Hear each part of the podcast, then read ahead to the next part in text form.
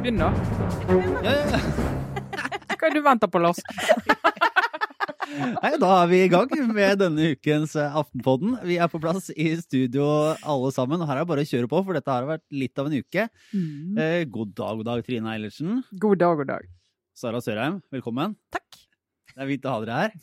Unnskyld, vi har vært litt sånn eh, masete på deg før sending, Lars, men du, nå henta du deg pent inn, og vi er i gang. Ja, Bra jobba. Ja. For det er veldig veldig mange ting å snakke om denne uka her, både stort og smått i, eh, i, i livet. Vi skal innom, vi, skal litt, vi ha litt koronavirus, vi skal snakke litt Venstre. Vi skal kanskje se om vi kommer innom Frp. Eh, Det er eh, alt mulig rart eh, av eh, OR.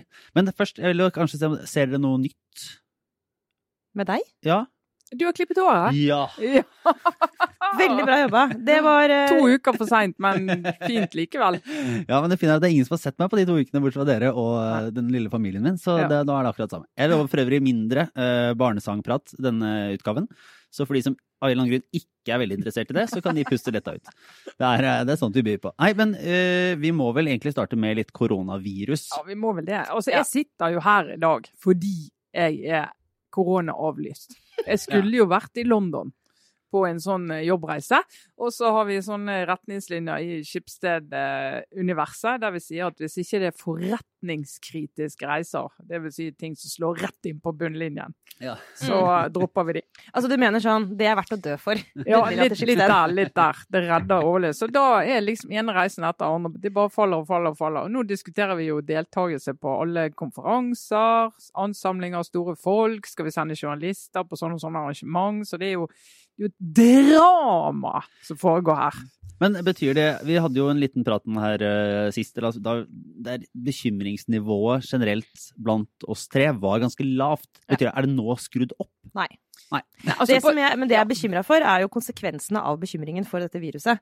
Men uh, siden jeg har et, uh, som jeg har fortalt noen av lyttere, lytterne våre om før, så har jeg jo litt sånn oppheng i sånne virusting. Altså jeg er rett og slett bare Jeg har rett og slett, tror jeg, rett og slett sykdomsangst. Eh, I mitt liv. Generelt. du har fobi mot jeg tror jeg har det, eh, men derfor mener jeg også Du skulle jo trodd du var redd Ja. dette viruset, Nettopp! Sara. nettopp. Så enten så lider jeg av en slags eh, Altså at jeg har gått inn i en sånn veldig alvorlig tilstand av sykdommen, hvor jeg har gått inn i fornektelse. Eller, som jeg håper og tror, så er jeg så rett og slett ganske god til å lese meg opp på sykdommer.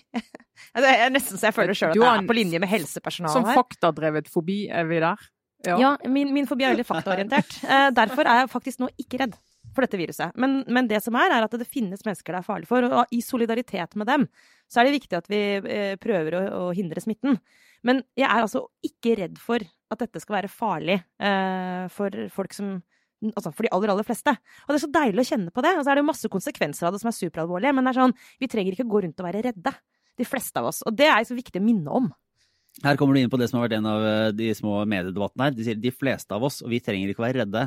Eh, tenk, det er det nå Er det Spe speilerdekningen, det er det du lurer på? Ja, ja det, er det, det er noe ene. Det er eh, om det speiler dekningen i det hele tatt. Og om eh, Det er jo mange nå som har eh, sagt fra at de som ikke da kan regnes inn i det store, friske vi, Ja, ja. eh, føler seg jo litt sånn utsatt av den måten å snakke på. da, At det er jo bare farlig for de som er syke. Jo, men poenget er at det her vi må være bare helt sånn Det her er viktig bare å være helt sånn presis og nøye med ordene, for en gangs skyld. Altså, det er helt riktig at det, det er ikke farlig for de fleste. Og det må vi faktisk minne hverandre på, hvis ikke så blir vi for redde. Eh, Men samtidig må vi si at for noen er det farlig, og det er derfor vi må ha alle disse tiltakene, og vaske hendene og sprite oss sjøl overalt på hele kroppen og gjøre alt dette her. Så det er, det er jo bra at vi har den beredskapen, men den er liksom rasjonell fordi noen kan bli veldig syke. Ikke fordi hele befolkningen og sivilisasjonen er truet av utryddelse og liksom denne siste, dette er siste gangen vi samles i studio fordi nå skal vi inn i hu... Altså, det er bare det, Lars. Det er bare noe med men, liksom men det, er jo, det er jo faktisk samme logikken som ligger bak vaksine. Altså De fleste av oss vil jo overleve en eh, meslingsykdom eller et eller annet annet vi vil overleve det. Men det er bare det at det fins de som ikke vil det. Så da for å beskytte de, så tar vi disse vaksinene alle sammen. Og hvis man skal ta I hvert fall de av oss som er i lodd. det småpompøse, men litt fine òg, er jo at det, liksom, eh, Hvis vi skal eh, se altså, hvor sivilisert er et samfunn nå, nå tar jeg det sånn på husken, jeg husker ikke hvem som sa det heller, men, men poenget er at sivilisasjon baseres på liksom, hvor flinke er vi til å ta vare på de svakeste. Sant? Et velfungerende samfunn setter inn tiltak for å passe på de svakeste, eh, på tross av at de aller, aller fleste eh, vil klare seg helt fint. Så det, er vakkert og nydelig, men bare ikke stress så fælt. Og da er det sånn her galskap, mediehysteri, er et viktig verktøy i et sivilisert samfunn eh, for å fyre opp under den Ja. frykten? Ja, altså det, der, det er jo en balanse det, da. fordi at altså, Noe av mediekritikken den kom ganske raskt. Litt vel raskt, tenker jeg. Fordi, og da tenker jeg han går på autopilot. Det er liksom å herregud, så mediene hauser dette opp, og nå skaper de frykt som er ubegrunnet. Eh, og så, ja, jo, men så ser du at da er det en gjeng som blir veldig, veldig redd. eh, og som eh, går litt sånn i panikkmodus. Men faren ved når vi skriver for mye, for tidlig, for dramatisk, det er at du mister en gjeng. En gjeng som er litt sånn åh, nå er det bare en ny sånn sak. Og de får ikke med seg relevant informasjon heller. Altså, De, de får ikke med seg at det, det er par enkle ting du kan gjøre uten å forandre livet ditt helt fullstendig. Nei, Jeg skal i hvert fall ikke vaske hendene. Ja, ja, det blir litt så, jeg skal, pin, jeg skal bare ta T-banen og flyet der det er så tett som mulig. Jeg skal ta T-banen i rushet hver dag, sånn eh, liksom eh, holde på. Eh, Men, men det er jo altså mediedekning, det er jo forskjeller, og det mener jeg faktisk. Altså, Vi går inn i dette på forskjellige måter. Vi har forskjellige virkemidler, og vi, vi har problematisert litt, andre har problematisert litt. Eh, gode tabloide virkemidler som jeg ellers har stor respekt for, fordi jeg mener at tabloid journalistikk funker veldig godt. Ja. Eh, og du når frem veldig godt, du får oppmerksomhet. Eh, men akkurat i en sånn sak som dette, så er det akkurat den type virkemidler som gjør at du får et helt skeivt bilde av hva dette handler Så om. du vurderer ikke å liksom, erstatte fronten på Aftenposten med bare sånne enorme bokstaver hvor det står 'akkurat nå', 'akkurat nå', 'akkurat nå', akkurat nå, akkurat nå, som bare ruller over skjermen med sånn kjempebilde av det viruset? 70 kan bli smittet, så det sto. Det var liksom krisescenarioet til Folkehelseinstituttet. Sant? Og det, du, du må jo få frem det at det, hvis alt går galt og vi gjør ingen tiltak, og det sprer seg på den måten vi har sett at de verste virusene sprer altså, Så må vi sitte helt i ro, ikke sitte i ro, men reise rundt og klemme hverandre hele tiden i hele verden. Da vil det skje. Og så du må, du må nyansere det der da, for å få folk til å få en mulighet til å agere rasjonelt. Men eh, du eh, viste jo oss her tidligere, Sara, en av de mer interessante sakene om dette. Som, kom, som sto uh, i Morgenbladet. Ja, det er også, uh, for å starte med kanskje det minst viktige med dette, men likevel litt sånn tankevekkende, er jo at uh, nå er jo alle nesten opptatt av eh, å få informasjon om dette viruset, og egentlig alle mulige slags saker i dette landskapet er nå hyperinteressant. Og så plutselig så kommer da mm, direktøren for Folkehelseinstituttet, Camilla Stoltenberg, og direktøren for Forskningsrådet, Jon Arne Røttingen, to sånne ufattelig solide folk eh, i akkurat eh, dette landskapet her med, en utro, med utrolig interessante og relevante eh, uttalelser rundt hvordan man skal jobbe for å få til forskning som kan liksom, eh, stoppe dette viruset. Og det Og- går de ut med i Morgenbladet. Ja, en, en tydelig bekymring for at forskningsmiljøene og sånn ikke er, de er ikke innretta sånn at de kan reagere kjapt nok og dele informasjon og møte sånne store utfordringer der, der man krever at eh, flinke folk i hele verden egentlig jobber sammen. Ja, altså, en, er en så- reell bekymring for hvordan vi som eh, land og på en måte som sammenhengende verden kan takle en stor, eh, et stort virusutbrudd og en pandemi. Ja, og dette er utrolig det er rett og slett, ja, Dette er jo en egentlig ukas anbefaling fra meg. Det er jo en eh, utrolig interessant sak. Jeg er i Morgenbladet nå. Eh, men, men jeg må si sånn Men, men det er jo Ufattelig relevant for veldig veldig, veldig mange mennesker. Jeg tror ikke det fins én redaksjon i Norge som ville sagt liksom nei takk. Å takk, du, vi er ikke så opptatt av sånn løsningen på koronagåten. Det er liksom ikke det vi jobber med denne uka. Så bare kanskje snakk med en bitte liten sånn, mer sånn ukesavis som har veldig få, men veldig smarte lesere. Det var bare akkurat det. Men altså, all ære til Morgenbladet, som jeg faktisk liker veldig godt. Så det er ikke det. Men bare Jeg pussig det veldig PR-strategi. litt, litt rart å, å gå i den kanalen for den type sak, det må jeg jo si. Men det er nå så. Substansen her, bare for å understreke det, er veldig interessant. Blant annet han Røttingen eh, understreker det med behovet for å forske i sanntid eh, når sånne ting skjer. Det er, som han sier i, i saken, det er for seint om tre år at vi finner ut av liksom, å det var sånn det viruset spredde seg, og det var det vi skulle gjøre for å drepe det, liksom. Eh, det må skje nå, eh, men eneste måten å få det til på, er at man tenker helt nytt i forskermiljøene rundt det å dele data og informasjon. At all data må deles absolutt hele tiden til alle, og alle må forske på det samme. Og det er egentlig sånn overførbart til journalistikken nå. en helt ny måte å tenke på, istedenfor at journalister konkurrerer med hverandre. Så, sånn som i Panama Papers, da, så er det mer sånn her er et enormt datasett.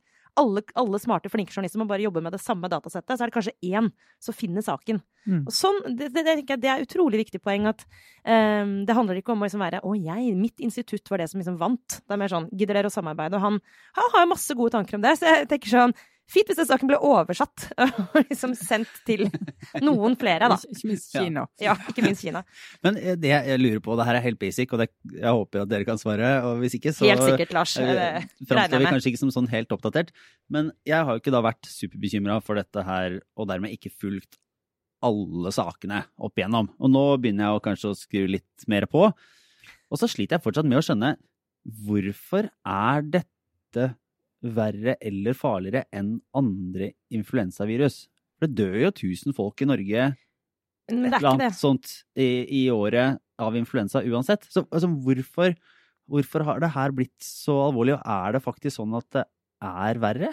det, det er, øh, blant annet, en av grunnene til at dette er ganske farlig, er at fordi det er nytt virus, så er det ingen immunitet mot denne sykdommen i befolkningen i det hele tatt. Sant?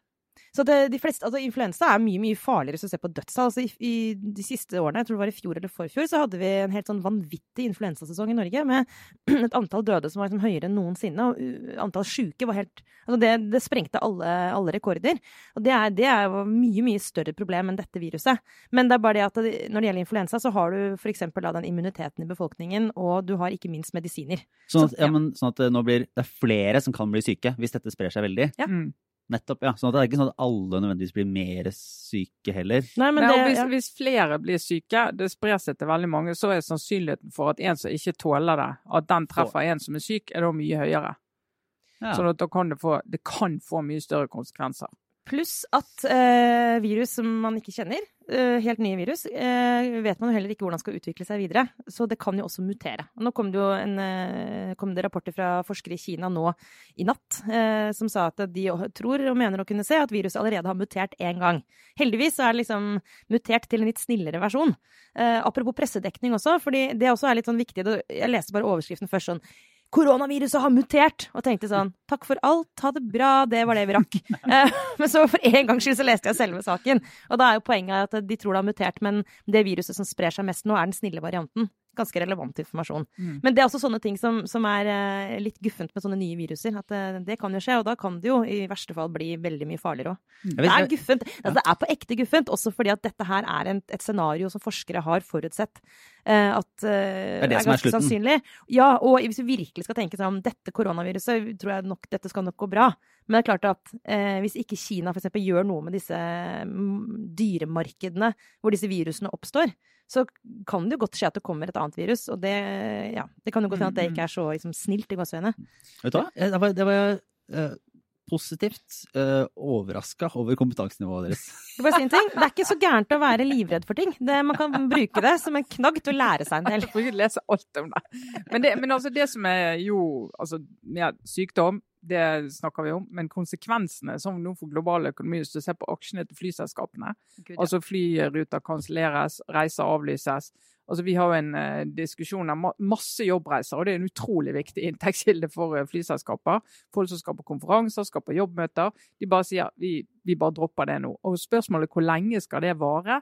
Og Det begynner å påvirke økonomien. Eksportbedrifter, altså alle som har en eh, annen type kontakt med utlandet enn det, vi- enn det en sånn virkelighet forutsetter. da. Jeg venter på den der kulturkrig-delen nå på koronaviruset. Når noen sånne anti-vekst-MDG-ere kommer og så være sånn Dette er bra at flyselskapene går dukken. Utslippene går jo ned. Ja, jeg så det var utslipp i Kina også. Var det sånne kart som viste at liksom, her har eh, de byene som er ramma, har, har eh, luftkvaliteten blitt dramatisk mye bedre. Og det her går man på litt sånn Gert, Gjert Nygaardshaug eh, Å nei. eh, Økofascisme.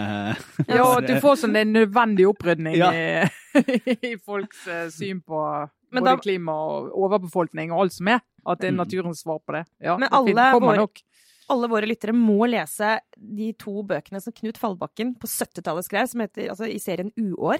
Det er bare min varmeste anbefaling. Kanskje derfor egentlig for så vidt at jeg utvikla sånn virusangst, da. Men uh, jeg leser dette i formative år. Men, uh, men uh, det er en science fiction, to bøker som han skrev på jeg tror det var 70-tallet, i hvert fall relativt lenge siden, som handler om en sånn framtid hvor forkjølelsesvirus er det som på en måte blir truende og kanskje liksom slutten på alt. Og den er jo veldig relevant å lese. Les den! 'Uår' av Knut Fallbakken. Fantastisk bok. Og da tror jeg vi går videre. Yes, Så lenge vi har en sivilisasjon, da, så er det et par Ja, andre ting som skjer Så lenge vi har en sivilisasjon, så har vi et lite parti som heter Venstre. Og vet du hva? Og de kommer til, sann mine ord, eh, hvis det her blir slutten, liksom, det siste som kommer til å skje før liksom verden går under, det er liksom et møte i Venstre. Hvor de prøver desperat å finne en ny partiledelse.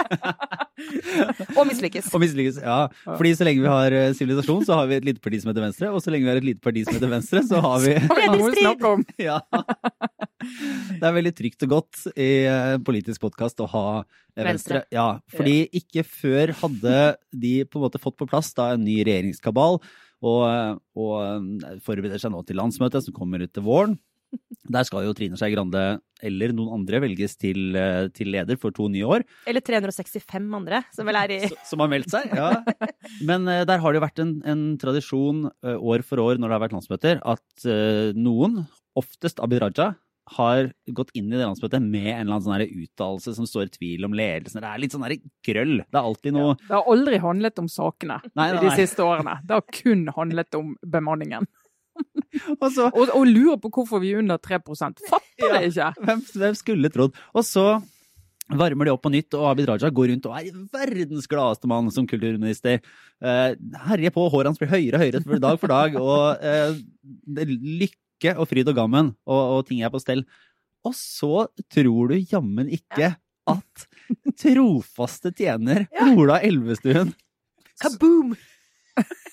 som, som, ikke har sagt noe kontroversielt noen gang. Jeg tror det mest kontroversielle han gjorde, var sånn ulv på bryllupskaken. Ja. Var det det? Ja, det var det. det der... Og holdt en ulvevalp. Eh, bilder lot, lot, han seg avbilde med, og så ulv på bryllupskaken. Og det tror jeg var mer sånn Det var ikke helt med meningen. Det var en glipp. Ja. Men, men nå He's back. Jeg kan ja. si sånn. røpe fra, fra redaksjonelle liksom, samtaler at faktisk for bare to dager siden så hadde jeg en prat med en kollega, vi snakket litt om Venstre, da, som man jo gjør, og var litt sånn men eh, skulle vi prøvd å høre om liksom, Ola Elvestuen kanskje nå vil si noe? Eh, kanskje han til og med vil gå ut og si noe om liksom, hva han mener? Og så var jo vår konklusjon sånn det er ikke vits å prøve engang. Det er helt, helt usannsynlig. Han er den mest lojale venstremannen. Altså, han er alltid bare lojal til partiet. Og, han, det er liksom, og som også journalister sier sånn Helt ubrukelig kilde. Får ikke noe sak ut av det. Og så gikk det liksom 24 timer, så bare What the fuck? Hva skjedde nå? Har han Ja, fordi vi kanskje forklarer lytterne også hva han faktisk sa da, Lars. Ja, jeg kan, kan ta det, for han var jo da eh, TV 2 hadde denne forbilledlig gode saken eh, der eh, Ola Elvestuen nå kommenterer Trine Skei Grandes grep i regjeringskabalen, da. Der Ola Elvestuen måtte ut. Der han sier altså, Trine har nok først og fremst lyttet til seg selv for å sikre egen posisjon, sier Venstre-nestlederen til TV 2. Han sier jeg har ikke på noe tidspunkt merket noen større misnøye i Venstre med meg selv som klima- og miljøminister. Tvert imot vet jeg mange i Venstre er uenig i skiftet, og som ble svært overrasket over at det skjedde på denne måten. Det er Elsker menn i 50-årene som er sånn Jeg har eh, diskutert med meg selv, om meg selv, og er egentlig kjempefornøyd. Syns jeg har gjort en kjempejobb. Ja, altså, bare for å få kvittert ut den, denne sjangeren av godt voksne mannlige statsråder som eh, blir bedt om å vike for at du skal få en fornyelse, eller at du på en eller annen måte skal få en kabal til å gå opp, og så går ut og liksom bare raser mot sin egen partiledelse etter å ha fått tillit til det partiet i både 20 og 30 år. Og ingen hadde visst hvem de var engang, uten at partiet har gitt det til. Vet du? Jeg bare jeg tåler det ikke, altså. Det er jo selvfølgelig gøy at saken kommer, men jeg tenker gud, så smått det er. Herregud, det var altså Erik Solheim gjorde det, Robert Eriksson gjorde det, Øystein Djupedal. Bitre menn som liksom Tenk, partiet ofret meg. Mm. Vet du hva, Gjerne tenke det, men hold det for deg sjøl. Det er sikkert mange som har tenkt det, men du må løfte blikket. Oh. Ja, for det, er det, ikke, det er jo ikke sånn at Da, da viser du at ja. du ikke er kvalifisert for tillit, mener jeg. Og så er det jo, det er jo ikke det at ordene i seg selv er sånn han sier jo ikke sånn uh, Trine Skei Grande er en idiot, og at det er sånn eksplisitt. Men det er, må, ja, ikke sant? For det, er, det her er, altså, det er sånn politikerprat for at det liksom antyder at lederen tenkte mest på seg sjøl og ikke partiet. Det er en ganske hard påstand å komme med. Særlig når setningen etter viser at du også tenker mest på deg selv, og ikke partiet. Ja, ja. Altså, herlig ironisk uh, form for kritikk. Som er sånn OK, greit, dere tenker alle på dere selv, dere er i maktkamp. men sånn er det ingen her som tenker på partiet, eller på kanskje politikk, som jo er litt relevant hvis du sitter i en partiledelse? Det er jo rart når du har sittet så sentralt i Venstre som han har gjort i så mange år, vært statsråd på det mest sentrale området for Venstre i lang tid, og så bare synker oppslutningen minutt for minutt, time til time. Og så er din konklusjon jeg bør fortsette. Og da er det liksom Når hele partiet roper etter fornyelse, over 300 stykker melder seg for å bidra til å fornye partiet, så er din tanke da men det, det, har ikke med meg å gjøre. Jeg, jeg, kan ikke forstå at det går an å sitte i den partiledelsen uten å miste selvtilliten etter, etter den reisen Venstre. Og det gjelder for så vidt partilederen òg, altså for all del. Så at han, at han har noe poeng, det har han jo. Ja, altså han har Definitivt. Ja, definitivt. Det altså, har han jo. Men det er bare det at når du går ut på den måten her på dette tidspunktet, så er det jo Ja, ja, skyter jo partilederen din, tidligere nære gode venn i begge beina. Ja, ja fordi han har jo på en måte, altså skal konstatere at han har rett, og at Trine Skei Grande tenkte mer på seg selv enn andre, men i Venstre, eh, på, alle fløyer, så ble det sett på som en dette er en løsning. Vi får inn Sveinung Rotevatn, vi får inn Abid Raja. Eh, det gjør at det er lettere å gå videre framover. Det ble jo tolka sånn i hvert fall i hele Venstre. Det var litt sånn lettelse i det partiet. En lettelse som ikke har hensett på årevis. Samtidig som jo NRK har en god sak som kom ut i går, hvor de hevder å vite at valgkomiteen i Venstre to ganger faktisk har bedt Trine Skei Grande om å Hva heter det? Stille seg til disp... Nei, omvendt. Stille trekke seg, egentlig. Ja, rett og slett. Det er det ordet. Det er det det betyr. Eh, og at hun har nekta. Og det er jo også eh, interessant. Jeg tror ikke det er så ofte, Trine, at når valgkomiteen ber deg om å trekke deg, at du sier nei? Nei, det, det er ikke veldig ofte. Og, men det, dette skjedde jo før denne regjeringsendringen. Så det at du fikk denne endringen Nettopp. i regjering, da fikk jo Trine Skei Grande en mulighet til å svare på den kritikken ved å si at OK, nå sikrer vi fornyelse. Vi får inn de to fløyene gjennom Svein Rotevatn og Abid Raja. Nå roer den debatten seg. Og så er jo hennes tanke at uh, Venstre har ikke godt av et lederskifte nå. Altså, vil jo kanskje en leder alltid tenke det, men uh, og mange støtter hun vil si at ja, vi trenger et skifte, men vi trenger det ikke nå. For det vil bli en veldig polarisert diskusjon fordi vi ikke har en åpenbar kandidat som alle stiller seg bak. Og så er tanken at frem til neste gang så må vi ha jobbet frem en sånn kandidat. Så får vi se om Trine Skei Grande da føler at det er på tide. Men så, men så var det litt interessant å se på hva Ola Elvestuens strategi her er, og hva han egentlig vil. Fordi han har jo sagt tidligere at han vil kjempe for å fortsette som nestleder. Det er jo på en måte greit nok. Og så fikk han spørsmålet her tidligere, og det ble referert på Politisk kvarter torsdag morgen også, den uh, måte, han, han, sier at han stiller seg uh, til disposisjon for alle roller, altså alle tillitsverv. Altså, og det er en måte Det er også sånn politikersnakk for å si at du vil ha noen andres plass. Ja. ja, nettopp, nettopp. nettopp. Det, det, er, det, er, det er uh, i hvert fall sånn det kan tolkes. Og hvis du er så naiv at du sier det og tenker at ja, nei, det betyr at jeg er tilgjengelig for alle plasser, også nedover i systemet. Ja. Det er sånn, jeg, ja, jeg kan være tillitsvalgt i, i, i Oslo og, og, trenger ikke å være Jeg kan være sånn. vara i Oslo, jeg. Ja, ikke sant? Ja, det betyr det aldri. Det er ikke det det betyr. det, er, det var sammen da Tina Bru ble spurt om, uh, var sånn her, om hun var aktuelt som nestleder i Høyre. Det er sånn, jeg er aktuell for alle, liksom, eller jeg, jeg, er villig til å ta på meg alle, en eller annen sånn formulering som akkurat det samme, som liksom skal gi inntrykk av at du bare stiller seg til disposisjon. Så selvfølgelig blir jo nestleder i Høyre. Det er når ja, det kommer. Ja, og så gir du inntrykk av at du kjemper ikke for det. Du mm. sitter i ro på pulten din, jobber med dine daglige saker, og så tenker du kommer det en telefon, så er det hyggelig. Ja. Gjør det ikke det, så er det òg hyggelig. Men er det nå er det jo da fredag, så skal innstillingen fra valgkomiteen etter planen komme. Ja. Veldig spennende. Veldig spennende. Det er vel oppriktig spennende. For vi sitter ja, det er oppriktig har, spennende. Jeg har ikke sett noen som har den, altså. Nei, nå skal det sies. Jeg tror faktisk ikke de har den selv. Eh, for hadde de, altså, den innstillingen er så ikke klar. Altså, Det der er så kaos. Jeg er helt sikker på Hvis ikke så hadde, vi jo, hadde noen lekket det. Ja, det er faktisk beste argumentet. Ja, vi snakker om Venstre, liksom. Ja, det er jo ti-tolv stykker som har lekket det, da. Men, men, det er jo, men det er jo eh, Altså, på våre målinger, Venstre har vært under sperregrensen de 19 siste målingene på rad. Ja. 19 siste målingene på rad. Så hvis det er noen i det partiet som tror at ikke de har et problem, så lykke til. Ja, og Hvis det var noen som trodde at det løste seg da Frp gikk ut av regjering, så er det heller en, også en hypotese som foreløpig ikke holder så veldig mye vann. På den siste målinga som, som eh, ble gjort for, eh, for, Aftenposten og NRK denne uka, så fikk jo Venstre 2,7 ja. Og Det kommer de ikke veldig langt med etter høsten neste år. Nei. Men eh, vi eh, fortsetter egentlig med de da nylig avgåtte. For det er stadig noe sprell fra Fremskrittspartiet mm. som, som, denne uka har kasta seg litt på potensiell flyktningkrisebølgen. Mm. Der Tyrkia jo har åpna grensene og har bidratt til at en del migranter og flyktninger strømmer Jeg vet ikke, Det er så vanskelig sånne ord du skal ja, ikke sant? Strømmer, ja, lada ord. Ja. Beveger seg, kan du ja. si. Men det er i hvert fall uh, igjen er det personer som da kommer over eh, det sundet fra Tyrkia til bl.a. Lesbos, den greske øya. Og EU og all mulig slags europeiske topper nå jobber på for å finne løsninger på hvordan det her skal håndteres. Mm.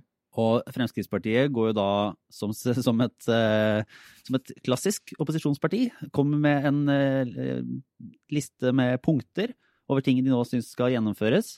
Som jo selvfølgelig da ligger i den liksom strenge enden. Som er mm. sånn vi skal ikke Ja, man skal uh, Alle flyktninger som har vært innom et annet land, de som har vært i Tyrkia, skal ikke ha mulighet til å få opphold i Norge. Det er jo sånne drastiske greier som stadig da møter internasjonal lov og rett, blant annet. og gjør at det er litt vanskelig, men som viser at de er eh, mest restriktive og, og kan tilby en annen politikk eller strengere politikk enn det regjeringen gjør. Mm. Som jo Frp alltid har gjort, som er deres liksom, go to-sted når de trenger å få litt oppmerksomhet. Eh, og som jo har eh, ofte, i hvert fall, fungert kjempebra for dem. Det har jo tradisjonelt vært en veldig god sak for eh, Frp å markere seg på. Så er spørsmålet liksom eh, Er det fortsatt det? Altså, hjelp Får det altså, Virker dette for dem? Fordi Stikkordet i innledningen til dette Lars, var jo det med å finne løsninger. Det er som sånn helt reelt nødvendig at man finner løsninger. Så det er sånn ubrukelig uh, å være opptatt av å heller klage på det, de som faktisk prøver å få til noe her. Det er jo en superutfordring for det internasjonale samfunnet. Vi må bare prøve å liksom være konstruktive. Mm. Siste vi trenger, er jo egentlig et sånt uansvarlig opposisjonsparti som bare bruker dette til å liksom, mele sin egen kake. Ja, men det var interessant å se at uh, den debatten jeg hørte, i hvert fall, så var jo Høyre kobla seg jo rett på. Var sånn, det var ikke ikke, de var ikke noe sånn i motsetning der, egentlig. Det var på strengelinja. Ja, det Her må, dette må vi vurdere, dette må vi se på. og og var, eh, ja, var mer der på at de ikke skulle la seg finte ut på noe vis. Da. Ja, Men dette skjer jo også alltid. ikke sant? Utrolig forutsigbart. For nå blir det konkurranse om å være liksom sånn strengest. Uh, og istedenfor at uh, debatten da handler om hvilke løsninger vi skal gå for, så handler det om at nå skal Høyre si at vi er akkurat, vi er kjempestrenge, og så snart kommer også Arbeiderpartiet si at vi er også kjempestrenge. Fint, vi vet det! Dere er kjempestrenge. Norge har en kjempestreng politikk. Liksom bare Eh, men hvordan syns dere kanskje at Europa skal løse dette problemet med mennesker i akutt nød, som eh, vi ikke vet hva, vi skal gjøre med? Ja, jeg, bare, jeg kjenner jeg har sånn enorm tretthet knytta til den norske politiske debatten om dette spørsmålet. Bare, men, ja. men, det er jo litt sånn grunnlag for altså Frode Forfang har jo skrevet en blogg denne uken om denne potensielle nye flyktningkrisen. og Han skriver jo mye interessant, han. Også. Han sier jo situasjonen er veldig annerledes i Europa nå enn den var i 2015, da vi hadde den forrige store Eh, bølgen, da, eller hvordan vi skal omtale det, Lars. Eh, men som han også sier, vi vet jo i dag at veldig mange av de som står nå på grensen, de er ikke, de er ikke syrere. Eh, mange av de vil ikke få asyl, mm. verken i Norge eller i andre land. Det er mange afghanske unge menn, skriver han, som ikke vil få asyl uansett hvor de søker asyl. Men du vil komme i en situasjon, hvis dette brister, der du vil vi kommer tilbake til at du får en veldig urettferdig fordeling av asylsøkere i Europa. Mm. Eh, fordi at de kommer jo til Sør-Europa, så kommer ikke så mye lenger. Og da får du igjen den der veldig hatske stemningen eh, i Sør-Europa. Så den der diskusjonen om hvordan du skal løse dette sammen, er jo viktigere enn noen gang, istedenfor å liksom starte med å si hvordan skal vi beskytte oss mot dette. Mm. Litt lei Altså det er litt mange akkurat sånn økonomien går i dass nå pga. det forbanna viruset, og så en sånn veldig alvorlig flyktning... Altså, ja, lite grann sånn mørk skyaktig ja. stemning kjente jeg på nå. Ja, la, la, herregud, la oss heller snakke om noe annet. For øvrig, det, det er, eh, jeg har ikke så mye mer å, å, si om det, men Oslo Frp har jo vært et eh, eventyr. ja, et, et, som, som, vi har snakka om en del før, fordi at de jo stort sett ikke har fått til noen ting. Uh, og resten av partiet har vært oppgitt over hvordan uh, det som tidligere var et ganske sterkt fylkes- og, lokallag, har svunnet hen. da. Og så var det jo nå her denne uka, så skulle de nå prøve å få seg en ny leder. Ja, det har det de jo gjort kjempebra. Flott. Ja. ja. Uh, og det var jo da en relativt ung advokat, som egentlig ble sånn liberalist, som uh, i hvert fall posisjonerte seg som det som skulle ta over. Men nei da! Det, det klarte de ikke å få fram. Så nå fikk de en, uh, en ny leder nå i Oslo Frp hvis navn meg for et øyeblikk eh, forsvant.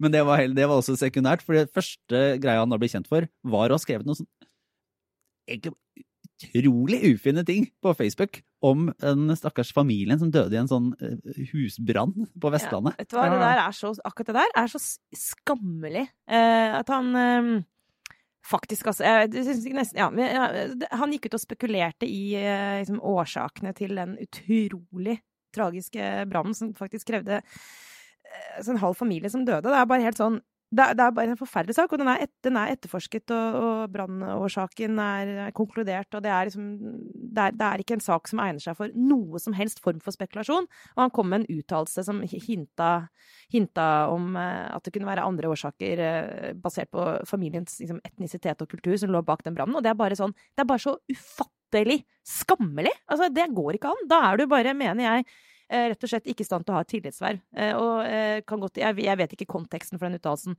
Kanskje var det en spøk eller whatever. Men det er egentlig helt irrelevant. Og jeg skjønner ikke at et parti kan velge en, en sånn person til å liksom lede en, en, en, gruppe eller ha et verv. For meg, det er, bare, det er helt komplett uforståelig for meg. Jeg, jeg skjønner bare ikke det. Jeg, det jeg, nei. Nei, jeg vet ikke. Jeg skjønner bare ikke det. Så ja, vi kan, eh, Foreløpig så kan det se ut til at det blir mer eh, fyrverkeri og kontroverser rundt Oslo Frp. Da. Bare som en liten nyhetsoppdatering fra, fra den, det lille hjørnet av, eh, av, hovedstaden. Men vi durer på med litt obligatorisk refleksjon. Ja, for nå har vi jo holdt noen av våre aller, aller fasteste lyttere kanskje litt på pinebenken en stund her. Fordi vi har snakka om mange saker, da, men det er jo egentlig én sak denne uka, Lars, som virkelig har rocka deler Drama ja, altså, denne uka. Så deler av Aftenpodden-universet er helt ute av, eh, av vater på grunn av. Andre av oss tar det litt mer sånn ja ja, vi får se, det går sikkert bra. Er litt mer den der koronainnstillingen. Men ja, vi skal jo fram til, Lars. Trine Eilertsen, kan ikke du dra dette lille risset av et jo, eh, drama? Altså, eh, da, jeg vet jeg snakker til en menighet, men denne menigheten er veldig viktig. Veldig viktig. Kanskje ikke så stor. Noen vil kalle det en sekt, ja. men jeg syns vi skal prøve å tenke større enn det. Temaet er da-da-da utredningsinstruksen. Yes. Aftenposten har en fantastisk sak denne uken om uh, utredningsinstruksen. Det er Direktoratet for, uh, altså for økonomiforvaltning, DFØ, de har eh, ettergått eh, regjeringen, som de skal gjøre med gjennom mellomrom. Eh, første halvår sett på 134 saker som ble sendt ut på høring. Og så har de spurt har de brukt instruksen. Og for de som mot formodning ikke skulle vite hva utredningsinstruksen er, så er det instruks som forvaltningen skal forholde seg til når de skal foreslå tiltak og politikkendringer. De skal, de skal stille ned grunnleggende spørsmål. Hva mulige løsninger finnes det på dette problemet? Hva alternative tiltak finnes det? Du skal stille de opp mot hverandre. Det går både på effekten av tiltaket og på kostnaden, selvfølgelig.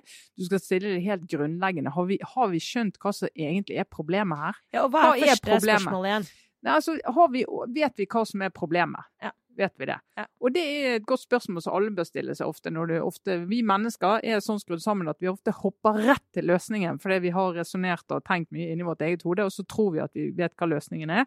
Politikerne har det som jobb, så det må vi ha respekt for. Men de forvaltningen skal da tvinge politikerne til å tenke seg litt om og si at OK, dette er det jeg har jobbet for i flere år som politiker, men jeg er helt sikker på at dette er tiltaket. Jeg er helt sikker på det. Det må undersøke. Så sier DFØ at dette har vi undersøkt. I syv av ti av de sakene de har undersøkt, så har de egentlig ikke forholdt seg til denne instruksen. Men det er jo ikke lov. Du kan ikke bare late som den ikke fins. Du, du, får ikke dom for det, da. Men, kan vi få det inn i straffeloven? Men, men det, det, du får, det du får, det du får uh, en del tiltak som er mye dyrere enn de har trengt å være. Du får en del tiltak som løser et problem som ingen egentlig har. Du får en del tiltak som bare skaper flere problemer enn det burde ha gjort. Vi får tiltak som er i strid med EØS-reglene. Ringer det noen bjeller? Du får en lovendring som er i strid med EØS-reglene. Skulle du sjekket det? Skulle du, skulle du, tatt disse rundene? Er det nyttig? Ja, det er nyttig! Det er sykt nyttig. Og når da regjeringen satt, og i fjor var det faktisk en flertallsregjering som eh, kunne koste på seg. Så de var ikke utsatt for anmodningsvedtak fra Stortinget. De kunne sitte og bruke, faktisk jobbe ordentlig med politiske løsninger. Og så sier de at nei, vet du, drit i det. Vi bare kjører på. Ja, poenget er at I sju av ti saker, så bare for å gjenta det, for jeg, jeg, kanskje leste den saken i Aftenposten bitte litt fort, kanskje bare overskriften, men altså, de har funnet ut at i sju av ti saker så rett og slett så de bare gikk ikke, tok ikke det skrittet. De, de brukte ikke utredningsinstruksen. De har ikke sett på alternative Nettopp. forslag til tiltak i det hele tatt. Og svaret på det, hvorfor har ikke vi gjort det? Nei, det er politisk eh, press og dårlige og korte tidsfrister. Så vi må liksom skynde oss å få det. Og det det betyr på norsk, det er at det sitter politikere i regjering og sier jeg vet hva som er løsningen, jeg vet hva som er best. Jeg trenger ingen til å fortelle meg at det finnes alternative løsninger. Vi bare kjører på. Uten å se på kostnad. Syns jeg er helt skandaler med en borgerlig regjering å ikke gjøre. Skamme seg, skamme seg, mm. skamme seg. Og så uten å se på effekten av tiltaket. Og det, det, vet, det går ikke. Holder ikke. Men er det sånn at eh, en eh, byråkrat, og vi har jo heldigvis veldig mange dyktige, intelligente byråkratlyttere, så hei til alle dere. Våre beste lyttere. Ja, og jeg tror jo at jeg har oppfatta det sånn at veldig mange av dem er eh, varme forsvarere av utredningsinstruksen og syns dette er viktig. Så jeg, det høres ut som dette er en politisk, mm. en måte, et resultat av politikerpress, mer enn at byråkrater driter i dette her. Ja. Men kan byråkratene med loven i hånd, eller på en måte en slags autoritet, si at uh, ja, Dere kan Stopp. ikke gjøre det på denne måten, liksom? Eh, ja. Jeg skal uh, besvare de seks spørsmålene i utredningsinstruksen før jeg går videre med dette. Nei, nei, nei, de kan jo ikke det. For dette er jo, jo, Og sånn skal det jo være. Det er jo politikerne som har makten i dette systemet. Sånn at altså de må få lov faktisk til å både foreslå og vedta og gjennomføre forslag som er helt idiotisk. Det er politikernes privilegium. De er valgt av folket, så det er lov. Eh, men, men, det så, jeg tror for mange byråkrater så er de en veldig skvis. For deres jobb er jo å serve den valgte politikeren. De vil gjøre en så god jobb som mulig. Og når politikerne har litt hastverk og har lyst til å gjøre ting, så har de lyst til å støtte de i det arbeidet. Og så ser de kanskje at her går det litt fort i svingene, men, men, men hvordan skal vi ta det opp, hvordan skal vi gjøre det? Og hvis vi virkelig skal gå ned og utrede et alternativ, Eh, da bruker vi et halvt år til, og da får politikerne bare himla med øynene, og du føler at du ikke gjør jobben din for politikerne. Så jeg tror de, de er i en veldig skvis ofte. Hmm. Veldig bra at du har din egen avis, Trine, som kan avdekke disse tingene. Veldig, ja. veldig, veldig bra. Ja. Jeg skal ikke si at en avis er et personlig verktøy til å ri kjepphester, men men, men, kan også brukes til det. Hvis det er eh, å ta samfunnsansvar og gjøre det. Ja, det, ja, det, her, det, her, det her, mener jeg og det er, som er litt sånn uh, oppgitt over hva få som er Men det skal ha, den saken blir skikkelig godt lest, og det gir meg håp.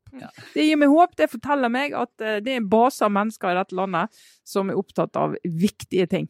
Ikke sant.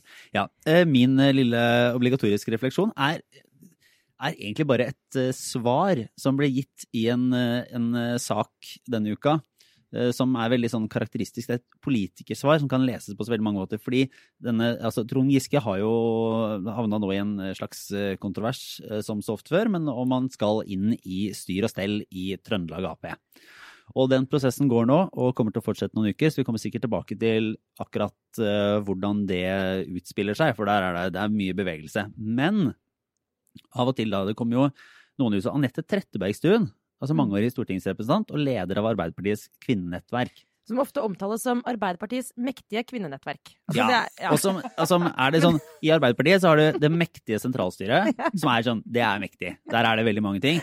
Så er det eh, mektige I, i gåseøyne kvinnenettverket, som er litt varierende eh, hvor mye, mye faktisk makt det har. Og også ganske varierende hvor mye kvinnenettverk det egentlig er. Ja, ja, for det er jo ganske ofte eh, ganske mange som er veldig uenige. Altså, det er jo sånn Også et nettverk i gåseøyne. For det er så litt sånn men, nei, men uansett, ja. Det er en posisjon, da. Det kan vi si. Ja. Uh, og så var det interessant at Anette Trettebergstuen, som leder av dette kvinnenettverket, går, gikk ut og sa litt sånn pene ordelag, men at nå håper jeg at også Trond Giske setter partiet liksom, først. ikke sant? Vi må ha en samlende løsning på dette her. Uh, at alle tenker igjennom hvordan man ja, hva man gjør, og om det faktisk hjelper partiet videre.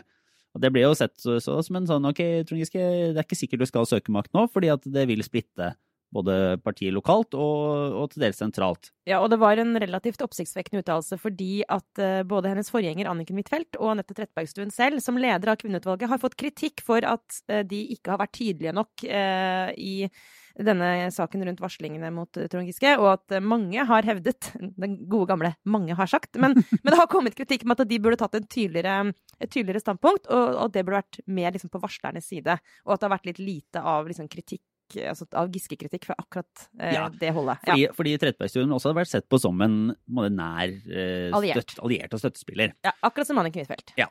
Og eh, det er noe fint, det er. Og så ser man av og til når politikere da konfronteres med noe, eller blir bedt om å kommentere, så får man noen sånne eh, små kunststykker av noen svar. Og da, da er det jo eh, Trond Giske som svarer Selve på dette her. Selve kongen av eh, veldig, svar. Veldig god på dette her. Ja. Så Anette har gjennom de to siste åra vært en enorm støtte og venn for meg og familien min, og gitt inspirasjon og pågangsmot. Jeg er helt enig i at vi må konsentrere oss om politikken om det som betyr noe for folk. En god skole for alle barn, trygg alderdom for helse, og en ny regjering for mindre forskjeller i Norge. Skriver Trond Giske i en tekstmelding til Dagbladet. Og det er det, det, skjer så mye og så lite i det svaret her. Ja. For det er på en måte For det første så er det sånn ja, jeg er enig i det, det, som sies, men det har ingen betydning for meg. Nei. Nei. Jeg skjønner ikke hvorfor hun tenker meg inn i dette. Generell problemstilling. Generell problemstilling, Det må vi, det må vi gjøre. Ja. Uh, og så den fine sånn omfavnelsen Altså, som er der... sånn eh, der, altså Hvis med bakteppet Arbeiderpartiet har vært revet i filler om dette her, posisjonert folk i én leir her og én leir der, eh, og han tar da bare Anette Trettebergstuen, min person. Eh, pågangsmot, inspirasjon, styrke, venn. Alt. Tar, tar egentlig hele kvinnenettverket og legger armen rundt og sier vi er på lag. Ja. Altså, hvis, du slår opp på, på ordet 'Judas-kyss' i et leksikon, så er det det sitatet som kommer, rett og slett. Det er, vær så god. Jeg undergraver hele din posisjon, eh, hele din eh, såkalte nettverkslederrolle nå, som skal favne alle kvinnene i partiet. Hele poenget er at du skal jo nettopp være en sånn eh, Som leder av det utvalget, eller kvinnepolitisk nettverk, takk, så skal du sørge for at det ikke er sånn at maktkamp og gamle slagsider og uformelle strukturer hindrer liksom kvinner fra å komme til posisjoner, sant? det han gjør der, er bare å si sånn Du er fullstendig 100 eh, lojal støttespiller for meg, enten hun vil eller ikke. Så det undergraver hele det, hele det hun forsøker å gjøre. Men det- så elegant. Men det, men det er jo interessant. Også, den målingen vi nevnte i sted, den ble publisert i går. Den målingen vi har sammen med NRK. og Der eh, så Lars Nehru Sand i NRK har fanget opp eh, i den at lojaliteten, altså velgerlojaliteten i Arbeiderpartiet nå, er lavere enn den var under metoo-vinteren i partiet. Og så Velgerne har hoppet på gjerdet og sitter og ser er dette et parti for meg. Og det er jo ekstremt alvorlig for Arbeiderpartiet halvannet år før den store valgkampen.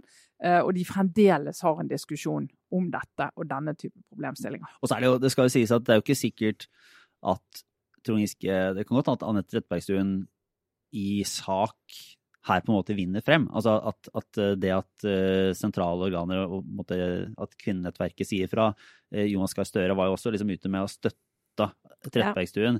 At det er litt sånn derre partiet om maskineriet som slår tilbake eller, eller presser fram det de ønsker å, å få fram. Så det kan jo hende at det vinner sånn, men den er som en sånn en liten eh, retorisk eh, sving, så var det et, et klassisk lite maktgrep i, i politisk eh, retorikk. Ja, og akkurat når det kommer til det, eh, uansett hva man måtte mene om Trond Giske, eh, når det kommer til retoriske maktgrep, eh, der er han jo best. Det er helt fascinerende å se. Han er altså så Det går så fort rundt, og han, han eh, svarer ofte klokt eh, sett fra eget ståsted.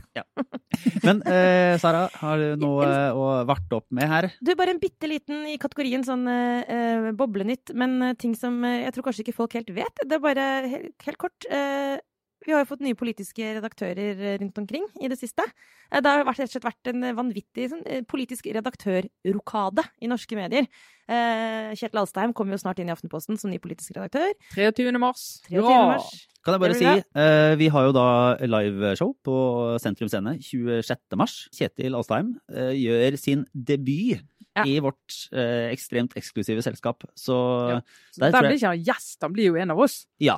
Ja. Så eh, for de som vil ha hans rykende ferske analyser som eh, politisk redaktør i Aftenposten, så er det bare å komme seg dit. Da er det ja, Tixmaster-billetter og sånne ting. Det er fortsatt eh, litt plass igjen, faktisk. Ja, og ja, velkommen Kjetil. Da skal, da, dere må ta godt imot han. Eh, jeg gleder meg veldig veldig til å liksom, få han om bord i vår lille gjeng. Eh, men jeg skal ikke gå inn i. Det er veldig mye å si om dette som jeg ikke skal si. Jeg skulle bare si at eh, Vi fikk Eirin Eikefjord inn som politisk redaktør i BT også denne uken. Og i går, eh, onsdag, så ble Fridtjof Jacobsen, gamle VG-kommentatoren, eh, politisk redaktør i Dagens Næringsliv. Gratulerer til alle sammen.